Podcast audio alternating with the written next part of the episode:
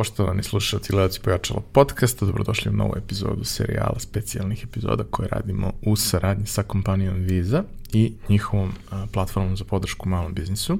To je jedan veoma zanimljiv mikrosajt u okviru sajta Visa gde možete da nađete neke razne interesantne akcije i ponude za male biznise uz pomoć kojih oni mogu da unaprede svoje poslovanje, bilo da je u pitanju elektronska trgovina ili možda da kroz neke kreativne usluge unaprede svoju prezentaciju, branding i slične stvari. U svakom slučaju uh, bacite pogled na to, link je u opisu podcasta.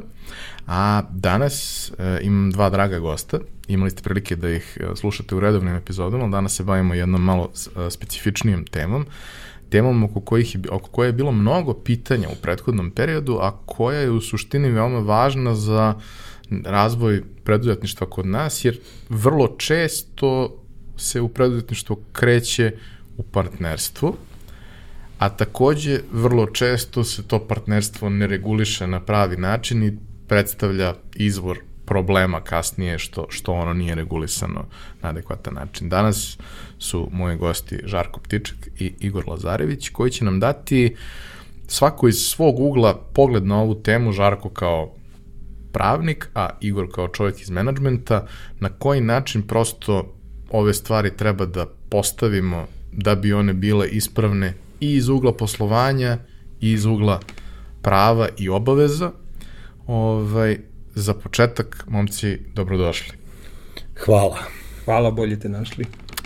A, kada pričamo o partnerskim odnosima u poslu, tu postoji mnogo nekih e, situacija različitih u kojima to prosto može da se desi.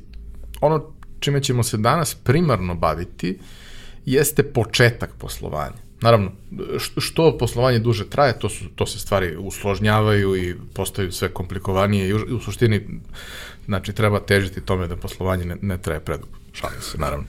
Ovaj, ali e, sam početak ako nije postavljen kako treba, to može da izazove razne, razne vrste problema koje sežu kasnije u, u, u sve bukvalno pore poslovanja.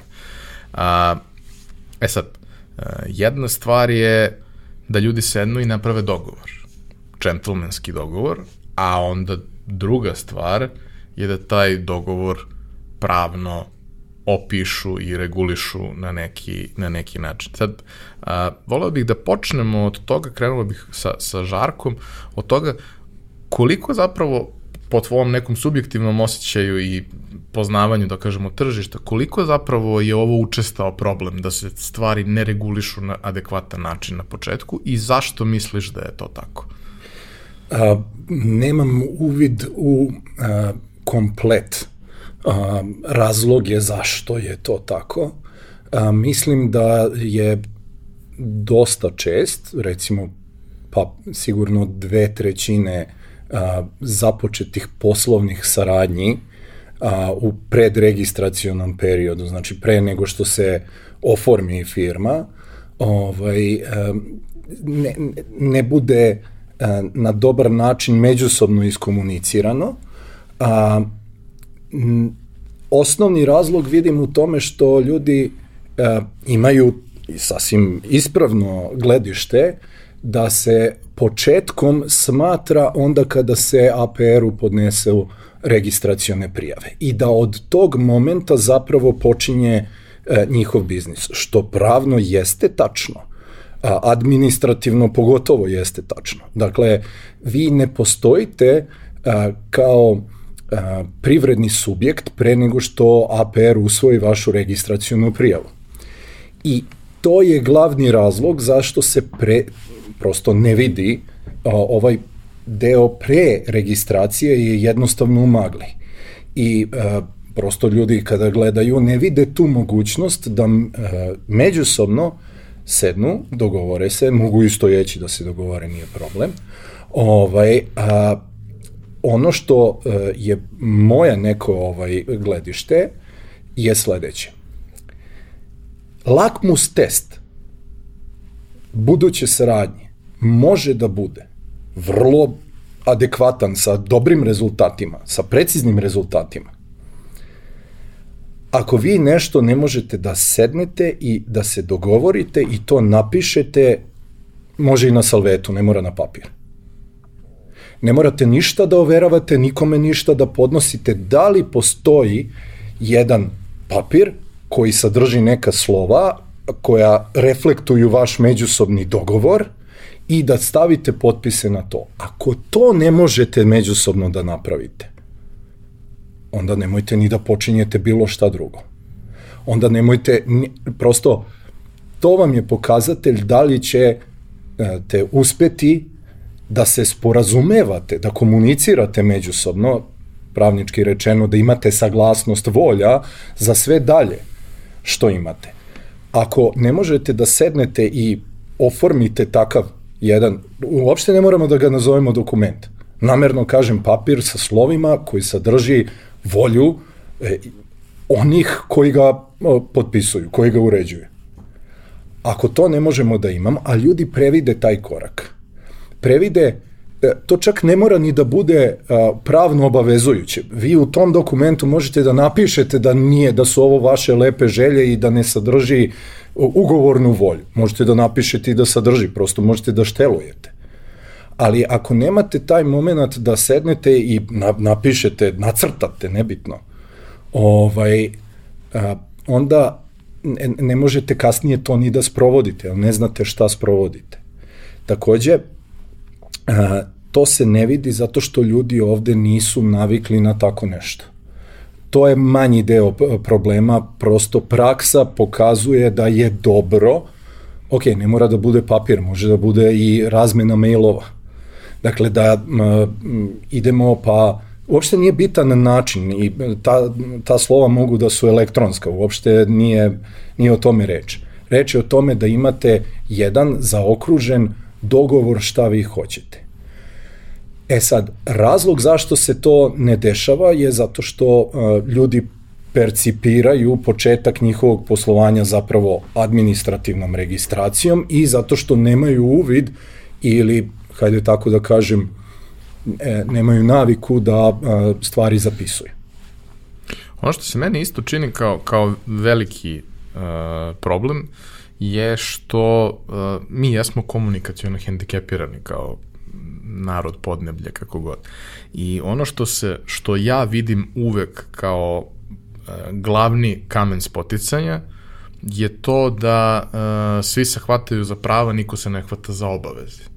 A potrebno je u tom da kažem, kakvom god dokumentu, dogovoru, džentlmenskom dogovoru nije važno definisati jedno i drugo. Šta su čija prava i ta prava se ostvaruju ukoliko ispunjava sve svoje obaveze. Šta da. su te obaveze, šta se tačno očekuje od svakog i onda prosto to ne mora da bude razlog da se raskida partnerstvo, može da bude i razlog, ali ne mora da bude razlog, ali svako treba da zna šta se od njega očekuje da bude svestan toga, da prihvati te obaveze i da onda bude svestan da ako ih ne ispunjava, to na neki način mora da se reguliše, kompenzuje, šta god. Nije problem, ti možda kažeš ja stvarno ne mogu, preuzme neko drugi, ništa nije strašno, sve je to stvar međusobnog dogovora. Ali ako nema dogovora i ako nema toga šta je čija obaveza, kako neko može da zna? Mi stalno očekujemo da ljudi čitaju misli druge strane, a život ne funkcioniše tako. Sad da se ne bavimo ovaj amaterski psihologijom, ali e, svako od nas bi hteo da za sebe pribavi što više prava, a da ima što manje obaveza. I to je negde u našoj, našoj prirodi. Ovaj, e, što se obaveza tiče, hajde malo da konkretizujem. A, vi jednim nazovimo ga pismo o namerama. Zašto pismo o namerama? Zato što to ne, zvuči e, strašno kao što zvuči ugovor ili sporazum, nego imate pismo namerama ovaj, koje možete, čiju ob, pravnu obaveznost možete dogovorom da podešavate. Ovaj, možete da kažete ovo je skroz pravno obavezujuće, a ovo su naše ono lepe želje, čestitke, pozdravi, nadamo se, ovo je ne, neki koncept, voleli bismo i tako dalje. Ovaj, e, najprostija stvar. Um, u predregistracionom periodu partneri stiču određena prava ne samo za sebe, nego i neka prava koja će kasnije trebati, odnosno morati biti prenešena na poslovni poduhvat, na registrovan privredni subjekt, onda kada bude registrovan. Dakle, postoji obaveza prenosa nekog prava na registrovani subjekt onda kada se osnovi. Je li tako? Kakva prava misliš? Evo, vrlo jednostavno. Um, mi smo smislili neku aplikaciju, neki sajt, nešto. E, smislili smo i naziv domena. Mi ne možemo da e, registrujemo domen na firmu koja još ne postoji. Neko od nas dvojice može da bude nosilac prava na domenu, je li tako? Složit ćeš se da ako to budem ja, onda ja imam ucenjivački u polugu za naše buduće odnose, jer ja imam ime domena. Ukoliko ja naziv domena ne prenesem, ukoliko nosilac domena ne bude firma kada se bude registrovala, ja i dalje, tako je, ja i dalje, ja kao fizičko lice i dalje držim tu ucenjivačku polugu u odnosu na čitav, ne na tebe, u odnosu na čitav a, poslovni poduhvat. Dakle, tim nekim dokumentom ja bi trebalo da se obavežem da a, prava na domenu prenesem na firmu kada se registruje. Dakle, naziv domena je ok, e, ti i ja imamo ugovor ili dogovor a, prema kojem se ja obavezu, ja, ja kažem koji će domen da bude registrovan i u koju svrhu. I da ću, obavezujem se time da ću naziv tog domena, odnosno popularno rečeno vlasnika domena, učiniti firmom kada e, se firma registruje. Dakle, kada firma nastane, domen ide na nju. To je moja obaveza. A, ako to ne možemo, ako oko takvih stvari ne možemo da se, da, da se dogovorimo, uopšte ne govorimo o a, definiciji a, pod kojim uslovima ćemo registrovati, šta ćemo smatrati dobrim momentom, šta ćemo smatrati momentom ispunjenja svih uslova, odnosno preduslova za registraciju firme i tako dalje. Ne govorimo o tome.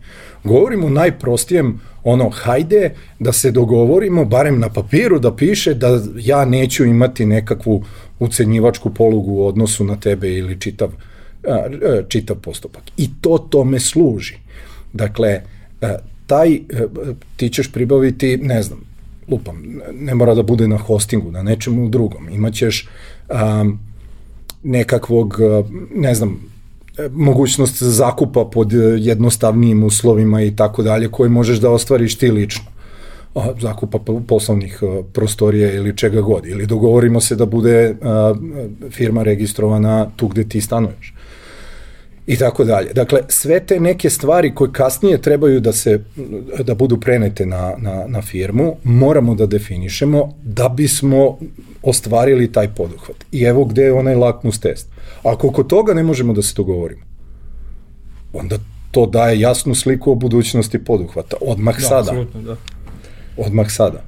I možda ne bi bilo loše kada bi zanemarili tradicionalni srpski lako ćemo moment, jer ništa nećemo lako, to su ozbiljne stvari i treba ozbiljno da im se pristupa. Naravno. Lako ćemo, super, ali hajde da definišemo prostor u kome se krećemo, jer to su važne stvari. Da, Tako mogu ja da se nadovežem samo na ovo. Ja ću malo ono iz menadžerskog ugla. U menadžmentu postoji termin fit ili sklad. I on se odnosi na bilo kakve posle, izgradnju bilo kakvih poslovnih odnosa. Ovo je vrsta poslovnih odnosa kada dva ili više partnera ulaze u otvaranje novog poslovnog poduhvata. Ako se taj fit ili sklad ne oseti, a on može da se oseti na razne načine, prosto ako nema toga, ako ne možemo da osetimo taj fit ili sklad, prvo ti partnerski odnosi neće funkcionisati kako treba. Ako u početku ne funkcionišu, vrlo je mala verovatnoća da će oni kasnije da funkcionišu. Drugo, ta neuravnoteženost i nefunkcionisanje će se reflektovati sve vreme na rad preduzeća firme, na odnos sa zaposlenim partnerima i tako dalje. Tako da to ovo što si ti napomenuo, to je taj fit koji prosto moramo na početku da osetimo. I ako to nema, ako imamo nešto da, na, da nas kopka, da nam govori da to neće funkcionisati, možda je bolje ne ulaziti u takav posao ili ući sa vrlo rigidnim pravno definisanim pravima i obavezama gde je moje mišljenje sad sa tog nekog menadžerskog stanovišta, čak i kad, kad ne postoji fit, a definišemo te pravne, znači kad definišemo prava i obaveze, čak i onda može da se izjalovi. Bez obzira što je sve do najsitnijih detalja definisano, može da se u nekom trenutku izjalovi, jer e, partnerski odnos gde bi recimo troje ljudi bilo sulas, bili sulasnici određenog poduhvata, ne znači da će kroz tri godine tako da bude. Znači, to se menja, to je stvar koja je dinamična, koja se menja i svaki novi upad u vlasništvo tangira taj fit, taj tako da kažem, i te sporazume koji su napisani. Tako da hoću da kažem, taj fit je jako bitan. Znači, on se oseti, da li na salveti, da li u razgovoru, da li u druženju. O, recimo, jedna od čestih grešaka koju ljudi prave je da prave partnerske odnose sa prijateljskim ljud, nastrojenim ljudima, znači prijateljima, rodbinom, kolegama i tako dalje tu ponekad na izgled postoji fit. Međutim, kada dođe do većih, da kažem, nesuglasica ili većih izazova oko raspodele, recimo, ovaj, dobiti ili, oko, ili, ili kad dolazi do prodaje firme i tako dalje, dolazi, dolazi do sukoba. Tako da, da poseban, posebnu pažnju treba obratiti na taj, na taj odnos gde su nam prijateljski, kako da kažem, gde su ljudi sa kojima se poznajemo, na prijateljskoj osnovi gde gradimo biznis, nasuprot odnosa gde na čistoj tržišnoj osnovi gradimo biznis partnerski. Jedna od stvari je definitivno to da e, potpuno je normalno da dođe do problema, izazova, Tako što je. vole da kažu naši. Ovaj, oh, izazova. Do izazova da, dođe. to je normalno. Može da dođe i ako su u pitanju male stvari, one apsolutno mogu, verovatno mogu da se reše, samo je stvar u tome da stvar treba rešavati odmah, dok je mala, pre nego što postane velika, jer ako ignorišemo, vremenom će postati velika i vremenom će od toga nastati vrlo verovatno veliki problem koji može potpuno da ugrozi ceo poduhvat. Sad, naravno, svaki poduhvat je priča za sebe, svako partnerstvo je specifična priča za sebe, ali, ali suština negde jeste da uh, stvari ne bi trebalo gurati pod tepih, ne bi trebalo ignorisati, možda ne možemo baš uvek odmah istog trenutka da reagujemo, ali ne treba odlagati stvari duže nego što je neophodno, prosto ako je u tom trenutku uh, i atmosfera malo toplija i energičnija nego što bi trebalo, ok, sačekajte da se svi iskuliraju, ali onda se pozabavite time, zato što prosto te stvari uh, koje mogu da predstavljaju uh, ozbiljan razlog za, za, za, za razdor i uh, samo uništenje biznisa, uh, najčešće mogu da, da se spreče. Tako je. Da. Uh, Igore, tvoj E, mogu samo da se nadovežem na ovo, znači poenta, poenta, izvinjavam se, malo smo dinamični, nadam se da ne smo. Imam i ja poenta, nadovezku, da, samo da... Nadovezujemo se da tu smo, šta je tu poenta? Mi ne trebamo sad unapred da definišemo šta ako scenarije, šta ako se ovo desi, kako ćemo da radimo i tako dalje. Bitno je da definišemo principe i zakonitosti postupanja. Principe. Ako se mi složimo oko principa i ako to valorizujemo kroz pravne akte i tako dalje dogovore, to je to. Primera radi. U kompanijama, malim, srednjim, bilo koje veličine firmama, postoji nešto što se zove escalation procedure, znači procedura eskalacija. Ako dođe do nekog konflikta, postoji tačan način kako se on rešava, ide na viši nivo i tako dalje. I to važi za svaku vrstu konflikta? To važi za svaku vrstu konflikta i bez problema. To može da se reguliše i među suvlasnicima poslovnog poduhvata. Znači, može da se definiše način kako se rešavaju problemi. Znači, imamo escalation procedura. Ima još nešto, što mi zovemo rekonfiguracija vlasništva. Ja sam u praksi često imao situaciju da, da, ovaj, da, da ljudi partnerski otvaraju firme ili ponude zaposlenima opcije da učestvuju u vlasništvu i smatraju da je to tako, treba da bude od početka da se ništa ne menja. Postoji nešto što se zove rekonfiguracija vlasništva. Ta rekonfiguracija se vrši u odnosu na neko merenje ili praćenje rezultata prethodnih. Ne mora merenje da bude, ali je to kombinacija merenja i procene i tako dalje. Znači ima i to, to je znači, rekonfiguracija vlasništva, što znači ništa nije ucrtano, urezano u kamenu, nakon godinu, dve se izvrši revalorizacija i rekonfiguracija. Šta hoću da kažem, principi su važni. Principi su mnogo bitniji nego scenario šta ako.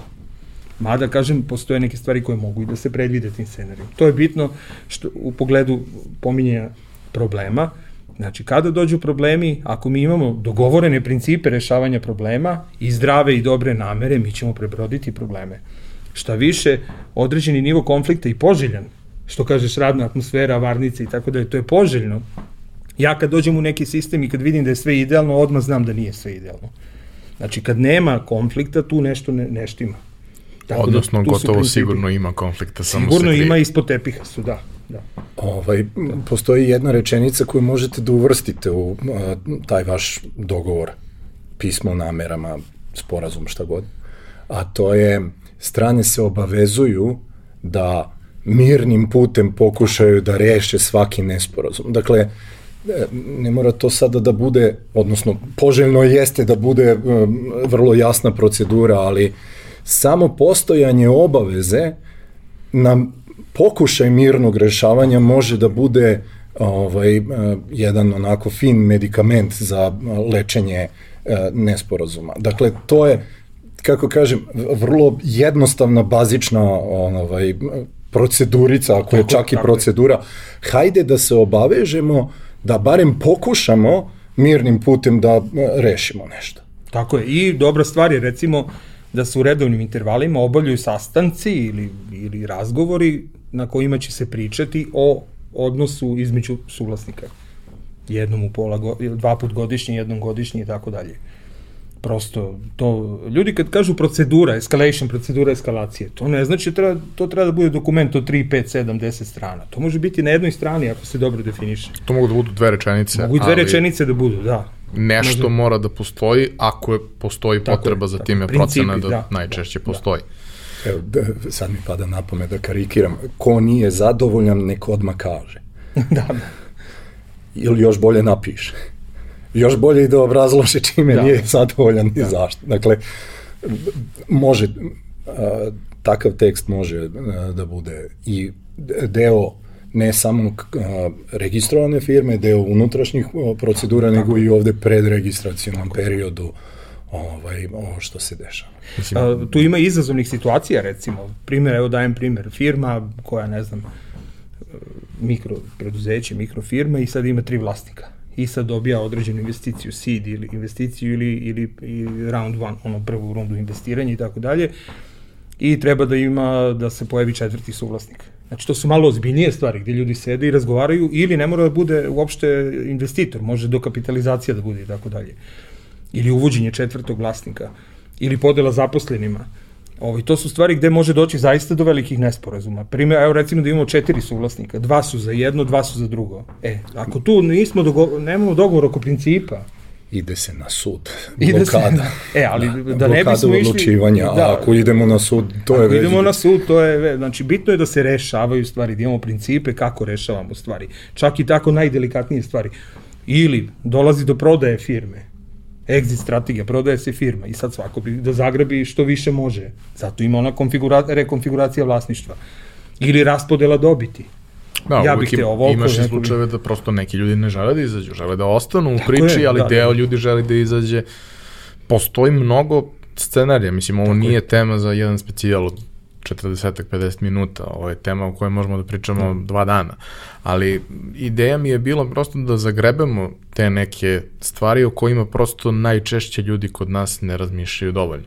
A ono što je, što je verujem, najveći problem je upravo to uh, podrazumevanje stvari i očekivanje da. da će druga strana da razume da, da. nešto što druga strana možda može da razume, što jedan moj prijatelj kaže, ako nađete drugu stranu koju, koja razume, a suprotnog je pola, ženite se.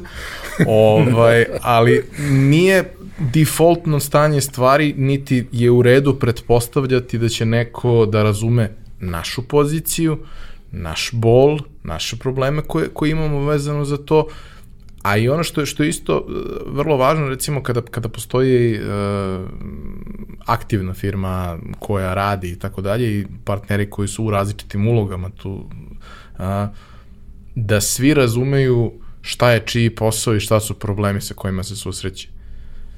U najboljem slučaju to je tako. Gotovo nikad u realnosti to nije tako. Najčešće ja razumem svoje i trudim se da ispunim sve svoje obaveze koje imam Ako mi ti ne kažeš sa čim imaš problem, ja ne mogu to da znam. Ja uh, imam dobar ta, tako sam ja nešto za sebe razmišljao ovaj, i da bi se prevazišao taj nedostatak komunikacije, odnosno naša kako reče, inherentna nemogućnost da komuniciramo da, da. kako treba, ovaj, možda je dobro pitanje koje manje više stalno treba da se, da se postavlja, šta će biti s kućom. Ako uh, zajednički poslovni poduhvat uh, smatramo kućom, konstantno treba da postavljamo pitanje šta će biti s kućom. A, ako smo rasporedili uloge i ne znam, ja održavam krov, a, a neko drugi radi da. zidove da. i ne znam, potpuno nebitno, vodovod. Nebitno. A volim, ja volim na te primere građevinske a, operative, to je meni... Ok, ok, da, svedi mi na jezik građevinske operative, da. I ti mene, ti ako mene pitaš šta će biti s kućom, ja mogu da ti odgovorim samo iz domena kojim ja, ja ne mogu da ti kažem šta je sa vodovodom ako održavam krov. Ja mogu ti kažem crep je ovakav, ođak nam se ruši, ovo ne, ne znam, imam samo ne znam, izolir traku, I treba mi lepak. I šta god da ti neko pita, ključno je da kažeš, znaš ti koliki je to posao. Da, da, da. Ali a, poenta je, ako non stop pitamo to isto pitanje, šta, ponavljam, šta će biti s kućom ili neko drugo, šta će biti s firmom ili šta ima novo, veća verovatnoća da će nam svako ko ima polje svog zaduženja odgovoriti iz svoje perspektive, iz, sa tog polja. Koje su vesti sa fronta na kojem se ti boriš? A, dakle, šta je s krovom, dokle smo stigli, e, o, curenje, oluk se raspad, dobro, šta treba za nov oluk? I tako dalje. Ovaj, dakle, a, ako dozvolimo sebi da postavljamo pitanja, verovatnije e, podižemo mogućnost da, da dobijemo i adekvatne odgovore. Šta ćemo mi pravno povodom tih odgovora uraditi je sledeće pitanje. Ali to pravno pitanje ni, ni ne dolazi na dnevni red ukoliko nemamo međusobnu komunikaciju i ukoliko ne znamo e, šta su zapravo dešava s kućom. I onda stalno to treba pitati. Da, da, s tim, s tim što bih ja tu napomenuo da je ponekad teško napraviti jasnu raspodelu poslova, da. raspodelu poslova, negde jeste, ali negde i nije. Recimo u pruženju profesionalnih usluga obično partneri i suvlasnici biznisa svi rade na tome da povećaju obim posla i tako dalje, normalno bave se i firmom i tako dalje. Tako da postoje tu i preklapanja neka, preklapanja znače potencijalne konflikte. Tako da eto i to je mogućnost. A druga Dobro, stvar... ako se, ako se da. popiše šta su poslovi, bit će poslova za koje je vrlo jasno po profilu ko njima treba da Naravno, se bavi, da. biće da. poslova kojima se bavi više različitih ljudi, biće poslova kojima niko ne želi da se bavi. E, to je, Ali neko da. mora.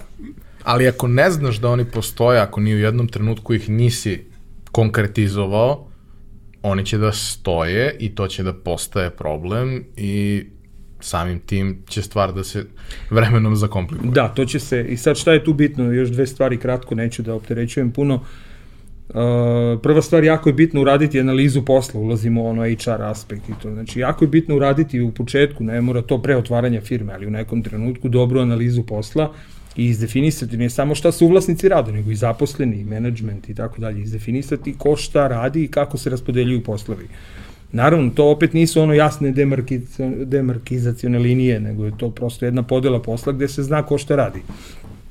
A drugo, suvlasnici uvek moraju da rade na tome da razumeju poziciju drugog. Znači, ako sam ja zadužen više za marketing i prodaju, a moj suvlasnik, moj partner je za rad sa ljudima, ljudski resursi, ja moram se potrudim da razume malo kako funkcioniše to, o čemu on priča, ili treći suvlasnik ako se bavi financijama, Ne mogu ja da budem izolovan u ostrvu i da ja kažem, ma, ti si moj suvlasnik, ti neke financije pričaš, ali meni treba marketing budžet. Znači ja moram da uvažim i njegove budžetske ograničenja i tako dalje. Moram da razumem da se potrebno, moramo holistički, suvlasnici to moraju da rade. Bilo bi poželjno i zaposleni da posmatraju ceo sistem, ceo poduhvat holistički šire kao jednu celu priču, a pogotovo vlasnici partneri, oni to šire treba da posna, po, kao jednu holističku priču pa, i da se na nivou jedni, razumevanja. Da razumeju jedni drugi, normalno. I tu, kažem, ima preklapanja. Bitno je da, da postoji to neko razumevanje da bi se najoptimalnije odluke doneli. Uh, vrlo često kada ima ta, ta rečenica koja ovaj, je mislim da, da je matičari izgovaraju prilikom zaključenja braka, kada kaže nešto u stilu uh, otprilike nadam se da pravo neće morati da uređuje ovaj odnos, da, Da. ćete Da, ga da, da. uređivati. Da, da, je to. Mislim, nisam imao prilike da prođem kroz to, osim kao kuma, to je bilo davno, pa se ne sjećam.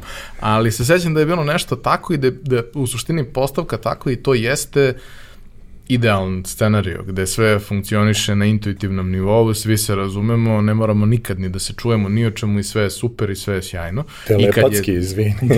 to, to zvuči idealno.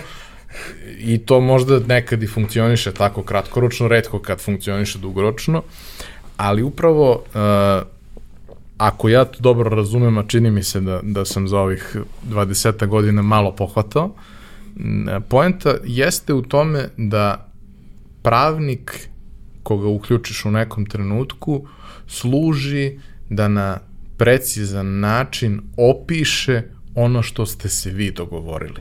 Ne treba on vama da određuje, niti da vam pravi dogovor. On može da vam kaže koji su modeli mogući za različite stvari, ali nije on taj, sad ćemo mi da pozovemo pravnika, pa će on da nam reši kako ćemo mi da se dogovorimo. Neće. Ako on mora da reši kako se vi dogovarate, to, to nije to.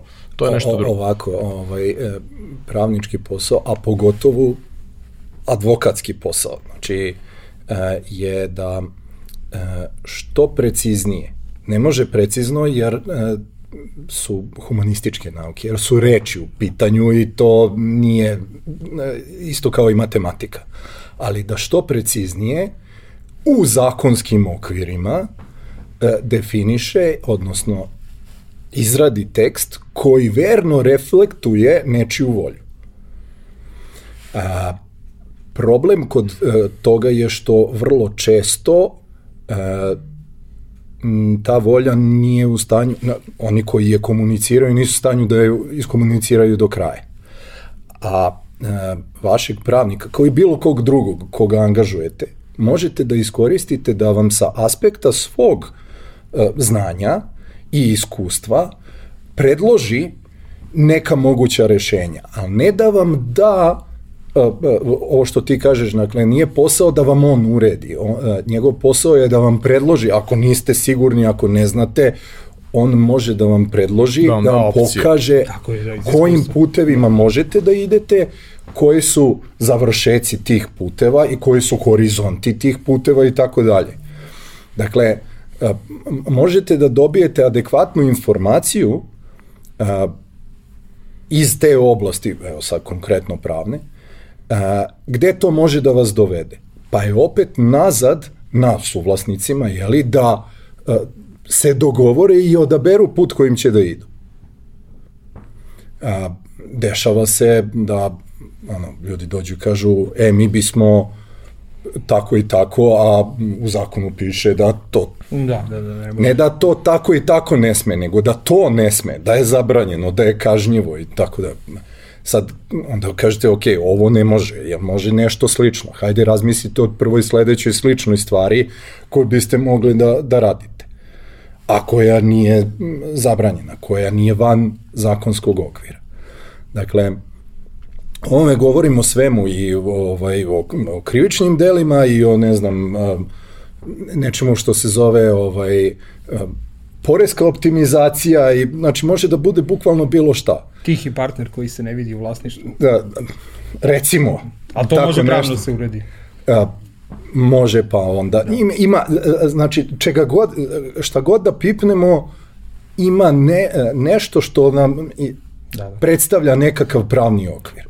da kažem to ovako, možda uh, koliko god svi mi bili posebni i svaka naša priča bila posebna, vrlo verovatno nije jedinstveno i vrlo verovatno postoji neki prethodni slučaj na koji možemo da se ugledamo. Možda nije isti, ali može da se primeni neki model koji funkcioniše tu i da se eventualno adaptira prema našim potrebama. I e, postoji određena verovatnoća da će neko iz države e, taj naš poduhvat poslovni tumačiti na određen način, podvesti nas pod neku kategoriju u kojoj nismo imali pojma ni predstavu da se odnosi na nas.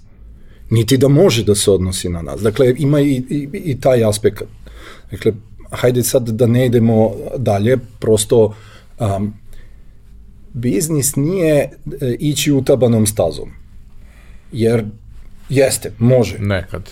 Ovaj, Retko. ali e, to... Nije algoritam. To, nije, tako je. Nažalost. Jer- Ovaj, Jer da jeste, svi bi a bili za bogati. neutabanu stazu, guess what? Znači, ono, to, vi ste ti koji treba tu da, da, da, krčmi, da krčite stazu.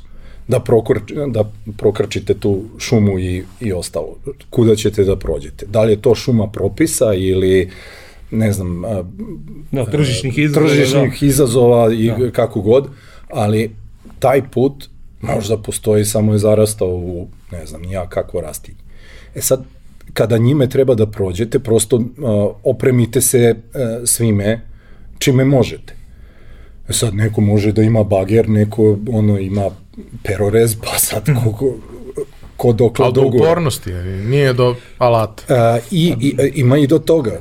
Dakle, Da. I do dobre volje. Znači to... Ovaj, ali niko to ne može da uradi osim vas. I ovo što si ti rekao, to i, važi i u kontrastranu. Ne dozvolite da vašu ideju ukalupe u neki trasirani put samo zato što je to lakše. Dakle, i tu treba Ako pružiti... je to suštinski nešto Tako što je, se tako ne je. uklapa sa vama. Možda Tako to je. idealan fit, ali ako nije, nemojte pristajati na to, nađite, a, ako ste kvadrat, nemojte na silu u krug, nego Da. nađite makar trougao pa da bude još komplikovanije. O, ali e, nemojte da podlože, e, ovo je ovako, pa to mora, pa to, dakle, nekako ta medalja ima dve strane. Jedna je, ne možete očekivati od drugih da imaju a, vašu poslovnu ideju i da ostvaruju vaš poslovni poduhvat, to ste vi. Normalno, oni Ili uključite tog gledaju- čoveka, pa onda, mislim, zajedno razmatrajte mogućnosti.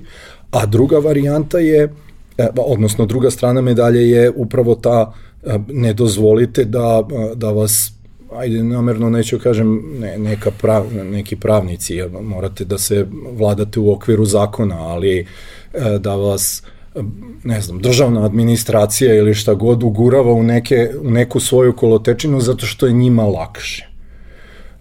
Ako mislite da možete da iznesete, izborite se za to vaše do kraja. Na kraju krajeva, borite se za vaš biznis.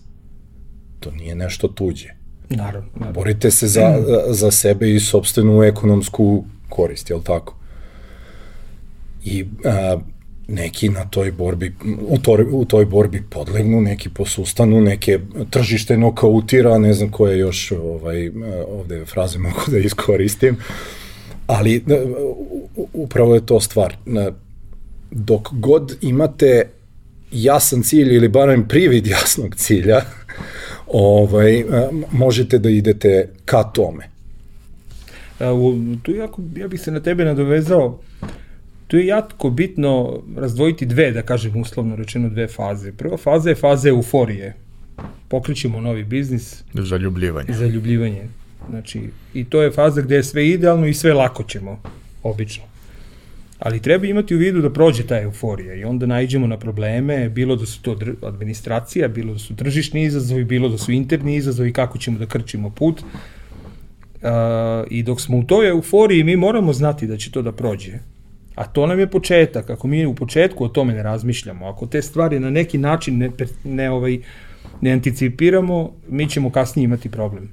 U prevodu suvlasnici koji započinju novi poslovni poduhvat moraju biti spremni i znati da će pre ili kasnije da se pojave izazovi ili problemi. Odnosno će ta euforija proći. I tu se onda e, more izazova pojavljuju i tako dalje. Ako mi u početku taj sklav nemamo, kako ćemo mi onda sa problemima kasnije da se izborimo? Zato je jako bitno u početku da mi imamo te neke iste talasne dužine, ne mislim, ali da se razumemo i da budemo svesni da će proći period zaljubljivanja, euforije i da će doći neki novi momenti, neki razvoj preduzeća, svu- razvoj može ići u raznim pravcima i tu se x varijanti otvara i moramo biti u početku spremni za to. A, Igore, e, jedna od stvari koju e, često ljudi ne razumeju, moramo da razumemo da naša publika primarno su ljudi koji imaju veoma male biznise ili još uvijek i nemaju biznise, ali razmišljaju da svoju ideju konkretizuju u, u neki biznis. To su oni ljudi koji se često jave, ja im onda kažem nemojte, molim vas i tako dalje. Ili, ili im kažem go for it, vrlo, što je vrlo redko. Ovaj, ali da, poznato je da ja tako s vremena na vreme ljudima ugasim ideje ili im bar ukažem na, na probleme Da koje, pomogneš, koje da. imaju. Guraš A, kocku troga. Tako je. Ovaj, uh, ali uh, ono što, što uh, najčešće vidim kao nerazumevanje, a to je na jako, jako bazičnom nivou opet ljudskih dogovora, je to da uh, ljudi koji ulaze u partnerstvo ne razumeju uh, da vlasništvo, suvlasnički udeli podela firme, nema nikakve veze sa time koliko će ko novca da ima, ko će imati platu, ko neće imati platu, ko će koliko od tog biznisa prihodovati na redovnoj osnovi. Suvlasništvo ima veze da kažemo u delu kada se deli dobit, ima veze kada se firma prodaje i tako dalje, Da, da. ali to da li će neko ko je suvlasnik u biznisu imati platu na mesečnom nivou ili neku drugu vrstu kompenzacije nema nikakve veze sa samim delom suvlasništva. Naravno, da, da. A, jel možeš ti malo da nam rasvetliš tu celu priču, na koji način prosto ljudi koji ne razumeju treba da poslože to u svojoj glavi, da budu svesni šta je realnost situacije u kojoj se nalaze. Pa, da, svaki novi poduhvat je zapravo preduzetnički poduhvat i mi pričamo znači, o pokretanju novog poslovnog poduhvata, to je preduzetnički poduhvat. Naravno, mogu, mogu ljudi da definišu svoje plate i da dobijaju redovne plate, ali obično to ide tako što su suvlasnici ujedno i preduzetnici koji pokreću određeni poduhvat. Kratkoročno gledano, greška je posmatrati koliko jedan zarađuje, koliko druga osoba zarađuje i tako dalje. Iz prostog razloga zato što te osobe možda imaju neke druge biznise, drugi izvore prihoda i tako dalje, a nisu dužni da raportiraju drugima odakle im pri, prilivi novčani i tako dalje. Mislim da to treba da se prevaziđe još u ranoj fazi, na nivou onog dogovora što smo rekli pre samog osnivanja, i da se usaglase oko tog principa da nećemo sada gledati da našem komšiji par, suvlasniku crkne krava ili da mi bolje prođemo i tako dalje. To će uvek postojati, uvek normalno, jer zašto ljudi ulaze u partnerstva? Ulaze, uh, šta dobijaju od partnerstva? Prva stvar, dobijaju mogućnost odlučivanja i kontrole, Znači, kad sam suvlasnik nečega, ja odlučujem i kontrolišem, naravno i menadžment, ali ja pre svega, ne ja, nego suvlasnik. Drugo, dobijaju mogućnost zarade i dividende od posla. Znači, ako, što kažeš, na kraju podela dobiti ili prodaje biznisa ili dokapitalizacije i tako dalje. Treće, neki razvoj karijere i četvrto, znači, stabilnost neka, ako si suvlasnik nečega, onda si valjda stabilan na toj priči i očekuješ nešto od toga. I četvrto, razvoj poslovanja. Uh, sve te stvari su dugoročne. Znači, poenta je u tome da kad se ulazi u partnerski odnos treba dugoročno razmišljati. Ne mora ta dugoročnost da bude 10-12 godina, ali daj da razmišljamo barem na godinu, dve, tri. Šta ćemo? Na godinu, dve, tri, a ne da razmišljamo uh, zašto ja nemam sada toliko i toliko novca ili bogatstva ili nekih privilegija ili benefita nakon 7 meseci. Mislim da je to zamka i mislim da je da to ako postoji već u ranoj fazi razvoja biznisa, uh, kasnije može samo još više da eskalira. I zato je važno. Znači, to je sad interno kako će da se ljudi dogovore. Da li će da imaju plate, da li neće da imaju plate. Da li će to neko da ima platu, a neko neće, jer će Naravno, neko da. operativno da se bavi time, Tako je, a da. drugi će da se bavi time na nivou možda sobstvenih kontakata, investiranja, slično. Prosto, e, kako ja to volim da kažem, iako to svakako nije pravilo, ali jel imaš ti neki operativni posao u, u okviru firme? Ima. Onda treba da imaš platu. Da li može firma da je isplati ili ne može, to je sad druga stvar. U startu ja se slažem da firmu ne treba opterećivati troškovima koje ona ne može da servisira. A, ali to treba negde da stoji kao plan za trenutak kada firma dovoljno ojača da može da servisira sve da. svoje obaveze. Naravno da je važnije da servisira uh, partnere, klijente i sve ostale, nego suvlasnike ukoliko oni nisu u poziciji da, da im je to neophodno. Suvlasnik uvek na kraju dolazi, to je kao, kao na opšta akcija u akcionarskom društvu, znači a opšta akcija uvek na kraju dolazi. Ja, ali, znaš, to... kada ljudi pričaju o tome, oni, oni povuku crtu društvu. sa, sa, sa pričom, uh, ali ja od toga nemam ništa. Što je legitimno da ka, ja nemam ništa mesečno od toga, recimo to tako. Što je legitimno da kažeš, ali zašto bi imao? Ali vrlo je jednostavna stvar. Ako nisi saglasan sa time da nemaš ništa mesečno od toga, nemoj ulaziti u taj posao. Tako je, u početku se to Um, prosto uđeš u novi poslovni poduhvat. e, ono što je neka teorija ovaj, je da dobar moment za registraciju a, privrednog subjekta je tik pre nego što a, prihoduje prve pare. Zašto? Jer ako ga niste registrovali, on ne može da prihoduje. A ako ste A ga ako ste ga registrovali ranije- ranije, on pravi troškove, a, ne ulazeći u tvoj da. deo. Da, da. Ovaj, a, dakle, vi morate da imate nešto opipljivo i nekakav opipljiv, izvesan ovaj, a, a, priliv. A onda možete da sednete i da kažete, ok, šta ćemo sa tim prilivom da radimo? Da li je taj priliv dovoljan da se I sad tu ide gomila ovaj ograniče. Da li imamo zakupninu, da li imamo, ne znam, ovakve onakve troškove, da li imamo e, nekoga ko e, prima zaradu. Ta zarada ne sme da bude ispod minimalne. Porezi i doprinosi na minimalnu zaradu su toliki. Dakle, to sve veličine koje znate još mnogo, mnogo, mnogo unapred, osim kada ne dođe do uh, vladine odluke da poveća minimalnu zaradu, ali dobro. Stavi Ovaj, toleranciju od 10% i I u pokrićeš redu sve je, slučaje. da. Ovaj, dakle, da li vi imate uh, uh, biznis, poslovni poduhvat koji je u stanju da uh, prihoduje toliko da pokrijete njegove troškove je još jedna od stavki koje ne samo uh, ekonomski, nego se i pravno gleda da li je to validan biznis ili ne. E sad, pitanje je, ako nema za sve želje, hajde da vidimo za šta ima. Za koje su, koje su to mogućnosti realno izvodljive. Pa onda da se saglasimo oko tih mogućnosti.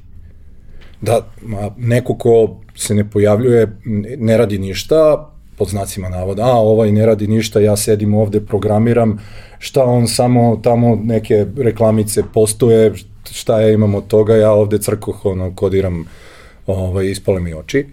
Ovaj, prosto, ako, o, ako niste u stanju unapred da opredelite, govorim unapred, ne, ne govorim o ovoj raspodeli kasnije kada se vidi, ako niste u stanju unapred da opredelite te procente koje očekujete, ne samo od biznisa, nego i te, te procente od mesečnih priliva, prosto nemojte da ulazite u tako Da, tu je, tu je jako bitna evaluacija, ono što sam pomenuo, da se povremeno radi evaluacija.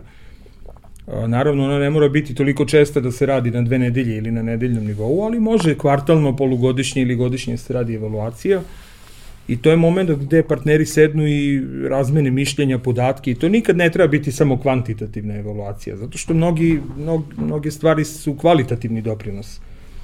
E, ta evaluacija je zdrava ako se normalno sedne i ako se o tome razgovara, zato što se tu vidi ko je šta doprineo, ko je kakvu štetu napravio, e, ko je na kakvom putu da napravi nešto i tako dalje. I to je zdravo da se, da se predvidi napred, da se anticipiraju te stvari gde ćemo da sedemo i da razgovaramo i da evaluiramo.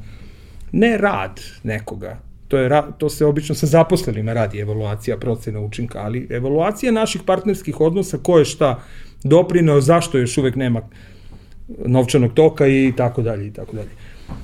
A istako bih ovde sad posebne, to je poseban izazov vezano za startupe. Kod startupa recimo često se pojavljuje ta, ta polazna euforija visoka i vrlo brzo nakon nekoliko meseci se pojavljuje nestr, nest, ne, ljudi postaju nestrpljivi. Ta ne, ne, ovi, I ljudi su očekuju- generalno nestrpljivi. očekuju, a kod startupa često je potrebno znamo i sami nekad i dve, tri godine, četiri da se priča razvije. I onda to nestrpljenje se pojavljuje kad prođe ta euforija. Drugo je, recimo, jedna stvar je kada otvaramo pekaru, primere radi, otvaramo pekaru gde mo možemo očekivati već nakon 2-3 meseca da izađemo na zelenu granu ili, ili do godinu dana. Ili ako nismo, da to onda verovatno nema smisla. I, da, a drugo je startup, da ne pominjem recimo medicinski startup, gde ti moraš da uradiš prototip, pa predkliničke ispitivanja, kliničke ispitivanja, pazi, to traje 3 do 5 godina, možda i više za medicinska sredstva i tako dalje treba preživeti sve to vreme, zato služe investitori i tako dalje, ali treba i odnosi da prežive sve te vreme. Znači nije isto pekara, teretana, fitness centar i tako dalje, koji može da prihoduje već u prvoj godini, drugoj tu može da se i povrati investicije i tako dalje, i startup koji može u sedmoj godini, osmoj, četvrtoj da, e, sve to vreme, euforija brzo prođe. Ona zaista brzo prođe. E, to nestrpljenje treba na neki način hendlovati. A, ono što, tu je evaluacija. Ono što mogu da dodam je, ništa vas ne sprečava da u taj vaš zajednički dokument pisamce o namerama, ovaj, uvrstite, ok, ovo su uslovi pod kojima započinjemo poslovni poduhvat, a ovo su neki uslovi pod kojima ga obustavljamo. Tako je. I, dakle, da. unapred možemo da, to možemo unapred, ne da smišljamo scenarije, nego da prosto kažemo, ok, Tako je, mi da očekujemo, odmah istresemo to, to svoje nestrpljenje, odmah ga definišemo. I kaže, ja ako ne mogu da e, budem dobar toliko i toliko, nakon toliko i toliko vremena ja odo. Ili, ja pod hoću tim, da se ovo ugazi. Hm? Pod tim, pod tim, tim uslovima. pod tim i tim uslovima, kao, evo, ili Ta da neka da crvena linija da se definiše. Znači, I to može koje... svako za sebe, da, da kaže, ok, ja mogu ovoliko vremena da, ono, ne znam, ovo, zaposlen sam, ovo mi je, ono, igračka sa strane, hoću da ovo uspe, ali ja mogu maksimalno dva sata dnevno da posvetim ovome. I e, mogu da kažem da, ono, ako nakon, ne znam, x vremena se ne ostvari y rezultat, ja neću više da trošim svoje vreme i to je legitimno. Legitimno da je da kažete šta, šta hoćete i a, još je bolje da svi to znaju i da su prosto svi međusobno tu upoznati sa uh, uslovima onog drugog.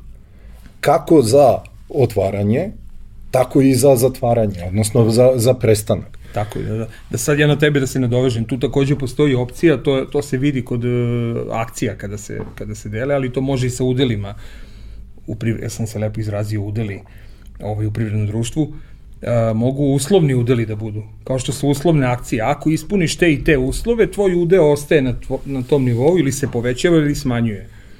Tako da i te stvari mogu da se anticipiraju, čak i, i naravno i da se i da se ovaj pravno regulišu. Zakon o privrednim društvima je o, promenjen a, sad nedavno i upravo je omogućio a, baš društvima sa ograničenom odgovornošću, a otvorio je mehanizam pomoću kojeg a, društvo može da stekne sobstvene udele i da ih drži kao a, kofu iz koje će raspoređivati određenim licima. Da će to da budu zaposleni ili neki, e, neka druga lica, to može, najčešće su to zaposleni, po, ovaj, napiše se pod kojim uslovima, Tako je. kako, razni modaliteti su, to, e, su mogući, nešto što do skora, na primer, nismo imali, sada je moguće.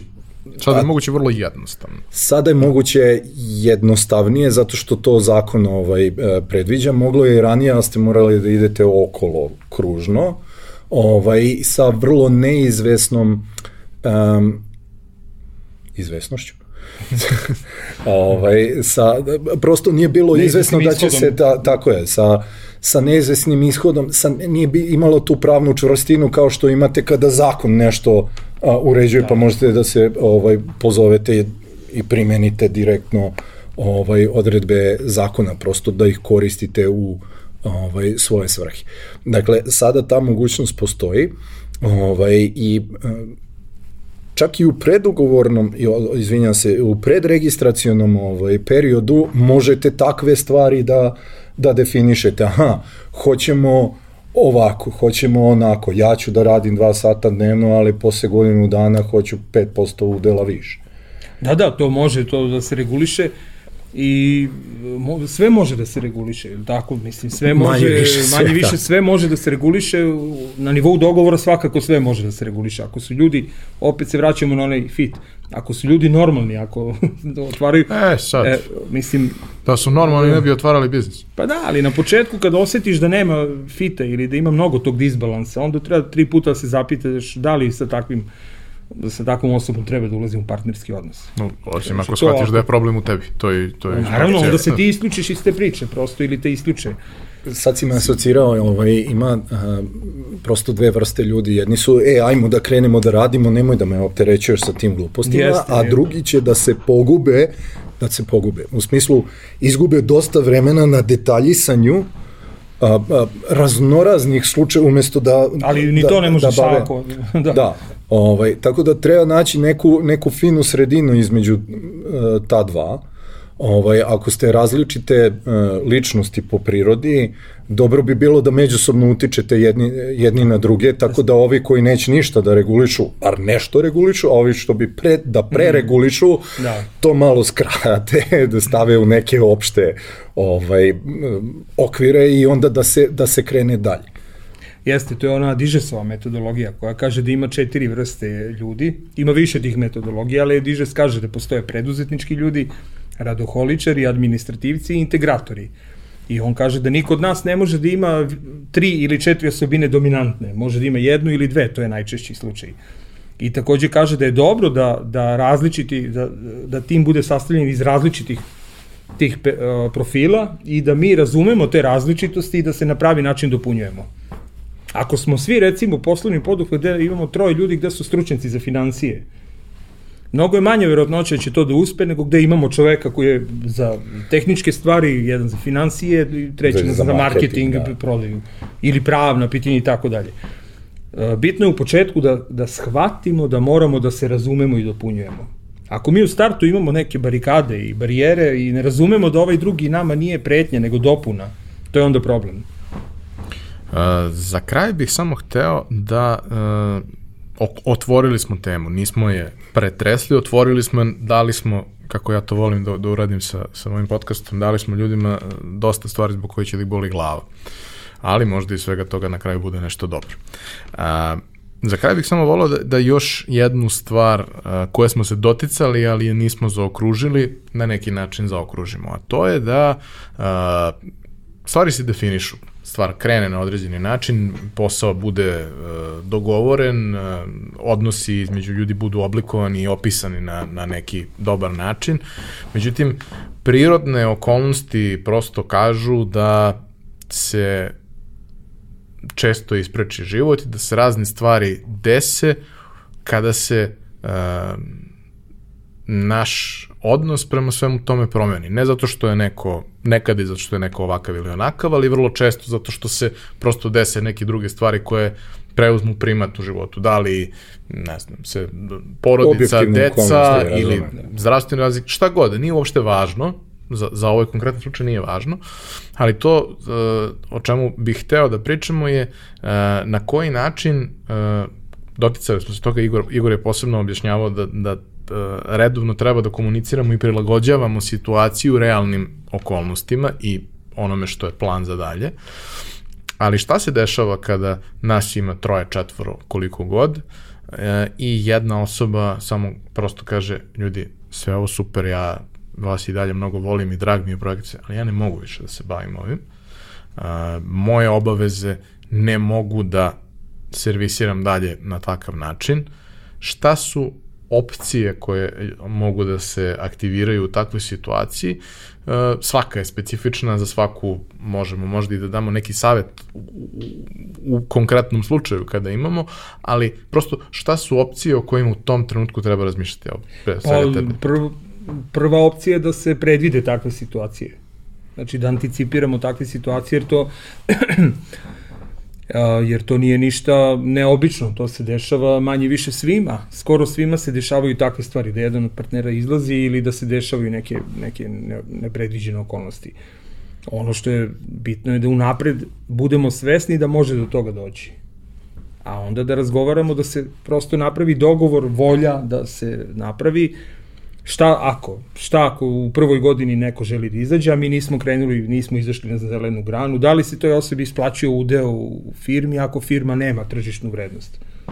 Može da se uradi primjera radi Uh, pametno je da se recimo uradi procena vrednosti jednom godišnje, ako imamo više partnera, pa imamo rekonfiguracije vlasništva, nije loše raditi jednom godišnje procenu vrednosti, ali ne ono Big Four da nam radi za velike pare, nego prosto mi možemo da uradimo primjenom adekvatne metodologije. Znači, možemo odlučivati da li ta osoba, prvo da predvidimo, anticipiramo takvu situaciju, a onda da vidimo konkretno da li isplaćujemo toj osobi udeo, da li se isplaćuje nešto, da li za ostale zarade, da li se smanjuje udeo, da li, se sma, da li ostaje isti udeo, a ta osoba uh, smanjuje svoje angažovanje u firmi, može i to, primjer radi ako je ta osoba više novčanog udela, unela više novca u poduhvat, ali se u jednom trenutku povlači u redu, može da ostane sa nama, samo nije aktivno uče, tu u operativnom poslu. Znači, tu je x varijanti šta sve može da se uradi. Može, znači, ajde tako prosto kažemo, može doći do, do razdvajanja raskida, gde će ta osoba prosto da nastavi svojim putem, uz i otplatu udela ili bez otplate udela ili neku vrstu kompenzacije. Čak ima i ako je zaposlena pa ono otpremnina i tako dalje. Druga neka linija je da osoba ostaje unutar firme, ali postaje pasivan suvlasnik. Postoje pasivni partneri. To su ove revizorske kuće i konsultantske dobro definisali, imaju nekoliko nivoa partnera. Ovi, ne znači, nismo na početku ni rekli, ne znači da svako mora da radi puno, da, znači postoje pasivni partneri koji ulaze recimo sa nekim znanjem, sa nekom intelektualnom svojinom, sa nekim novcem, tržištem, kupcima i tako dalje, koji mogu imati mnogo pasivniju ulogu, mnogo manje aktivnu ulogu nego, nego neki drugi partneri koji razvijaju posao. Tako da tu je dijapazon jako velik, ali u principu možemo reći imamo opcija A razvod, opcija B ostajanje u firmi. I sad to je stvar dogovora, kako se dogovorimo, ali je ono što kaže najbitnije predvideti, anticipirati. Ne predvideti konkretno situacija u sedmom mesecu će doći do toga i toga, nego predvideti tu vrstu problema. Anticipirati, znači u nekom trenutku može doći do te vrste problema što se najčešće dešava, znači kako ćemo mi da se postavimo kada dođe, kad se pojavi ta vrsta problema. Hoćemo da sednemo i da se posveđamo, ili ćemo imati tu neku evaluaciju, da sednemo pa da pričamo, To je bitno i to može unapred da se dogovori. Opet kažem, tu su principi najbitniji, a samo rešenja, tu ima x rešenja. To sad da ne ponavljamo. ovaj, sa aspekta građevinske operative. ovaj, Uzmem svoj krov i idem. da, da, da. ovaj, um, postavlja se pitanje, je li, šta će biti s kućom? A, da li vam je ta osoba, svodi se na sledeće, da li je ta osoba zamenjiva ili nije? Ako je osoba nezamenjiva, onda um, prosto to dosta sužava izbor. Do, tako je, nema, nemate, ne, nemate tu šta, da li je poslovni poduhvat moći e, sprovoditi dalje bez te osobe ili nije. Ako nije, stvar je jasna. Ovaj, a, ako jeste, onda na koji način? Da li će ona, ta konkretna osoba koja odlazi biti zamenjena nekom drugom sličnih sposobnosti i uh, želja i tako dalje, što je užasno teško naći prvo sličnih sposobnosti, a kamoli e, želja, vraćamo se ponovno na ucenjivački potencijal i tako dalje. Ovaj, a sa druge strane, e, viđao sam recimo e, da e, ostatak e, osnivača, ostatak učesnika u tom poduhvatu, naročito ako ih ima više, ako su sličnih struka, prosto uzmu i preuzmu a, na neko vreme ili a, nastave dalje pomoću štapa i kanapa ili štake, tako zovete to kako improvizacije. god. Improvizacije. i tako dalje. Ovaj, gde a, ne mora nužno pravno da se uredi, ali e, ne kažem da nema svoje pravne posledice, A, samo kažem da može da se prosto desio vam se zemljotres u firmi. Da, tu može se desi, izvini što ti upadam. Ne upadaš. Ti stop. možeš recimo da imaš pet suvlasnika ili tri, nije bitno, i da jedan od suvlasnika, ovi drugi rade posao, znači financije obezbeđuju, rade sa zaposlenima, rade marketing, prodaju i tako dalje, ali jedan suvlasnik ima key accounte koji ti prave 95% prihoda. To uopšte nije redka situacija. To, to se dešava svakodnevno, da imaš key accounta koji ti, key accounte, ne, recimo 5, 6, 7 velikih sistema koji ti kupuju ili dva velika, ili jedan veliki sistem, prodaješ Ikea recimo nešto, i ta osoba ti odlazi. To je zaista problem onda. Kad ta osoba odlazi, znači šta se tu dešava? Da li će otići i Ikea s- zajedno sa njom ili Povlači neće? sa sobom key account, može da otvori novu firmu i to treba unapred, pre, opet kažem, anticipirati na neki način. Znači imamo, evo ja sad malo plastično da se izdelim, imamo Ajkulu jednu koja nam je suvlasnik i mi smo tu ravnopravni i tako dalje. Nije bitno kako se udeli raspodele, ali čekaj malo šta ako on posle godinu i po, ili ona posle godinu i po dana reši da ode i povuče kupce. Da li, da li da ulazimo u to? Ajde to da, da vidimo šta da razgovaramo sa tom osobom, da vidimo kakve su namere, tu malo ima i psihologije, mislim, nije to tako jednostavno, slažem se s tobom, nije matematika, nije algoritam, nego zaista je bitno otvoreno razgovarati. Prvi indikator da neko, ako neko neće otvoreno da priča, meni je to prvi indikator da taj neko neće ni sutra otvoreno pričati ako dođe do nekih problema. Evo primer recimo to sa key accountima. To u medicini recimo često se ide za fond za zdravstveno osiguranje, jedan kupac od kog firma živi. Uh -huh. Ima dosta firmi koje su onako i u ne, nekoliko miliona evra prometa imaju, ode ta osoba koja ume da nastupi na tenderu na javnoj nabavci, firma je u problemu. Što treba predvideti, anticipirati. Jedan od načina rešavanja tako nečeg je, pazite, e, gašenje firme ne mora nu- nužno da znači propast tako poslovnog poduhvata. Vi možete da pre, tako je, može da bude transfer, možete da budete preuzeti od tog vašeg jednog ili 95% ovaj naručioca i njemu prodate svoje udele, izvučete bar nešto. Tako je, da. Ili a, barem ne odete u minus i tako dalje. Mi smo oko nove godine imali baš taj transfer, biznis transfer jedan, gde je jedna firma prešla na drugu da radi, znači principal iz inostranstva i želeo da radi sa novom firmom. Biznis transfer, potpuno je novo su vlasništvo definisano te firme i suvlasnici su se dogovorili, ne znam koji procenat dobiti da dele, le, lepo seli, sve se dogovorili, napravili sklad, prebacili biznis na novu firmu i nastavili da rade. Dakle, rešivo je, Rešivo je, da. a, taman je toliko rešivo, taj završetak, izlazak i tako dalje, koliko i početak. Dakle, ništa se tu nije promenilo. Ako ste na početku i u toku trajanja poslovnog poduhvata imali a, dobre slike, vrlo je verovatno da će i ovde slika biti dobra, ne govorimo o, fi- o finansijskim, nego pravnim, prosto neće doći do nekakvog spora i tako dalje. Ako od početka imate štucavicu i zapinjete i mm, ne uspevate da se dogo- dogovorite, velika verovatnoća Velika da. da će se ovo rastočiti na neki od mogućih ovaj načina rastakanja. Jel mogu samo da još dve stvari koje stoje kao rizik u poslovnim poduhvatima? Često se dešavaju dve stvari. Da menadžment otkupi ili celu firmu ili značajan deo firme, pogotovo kad firma raste. Jer zapravo- management ne mora da bude u suvlasništvu. Da, Tako ne, je, ne, da, da, mora, da, ne da mora bude pogo- profesionalni potpuno. Tako je, pogotovo kad firma uradi, ja kažem firma, preduzeće, kako god to zvali, kad uradi taj korak, pisali smo svoje vremeno o tome, tu prekretnicu, kad uradi profesionalizaciju poslovanja, kad dovede menadžer i sad ti menadžeri, da kažem, puste korenje, dobro naprave priču i tako dalje, tu se dešava nešto što se zove asimetrična informisanost ili agencijski problem. Znači, menadžeri bolje i više znaju nego vlasnici i suvlasnici i onda se dešava ponekad da menadžeri preuzmu kompaniju. Jedan od načina je management buyout, to se tako zove. Druga varijanta je kada zaposleni preuzmu. I to takođe nije redak, možda je malo ređi slučaj, ali se dešava recimo u program, u pro, kod programera. Imaš zaposlene koji prave kodove, koji prave softver, koji dođu pred kraj i kažu, e, više nećemo da radimo, moraš da nam ponudiš udeo. Dešava se. Pogotovo kod startupa, kad se razvijaju, recimo, softvere za servis i još kad dobiju investicije.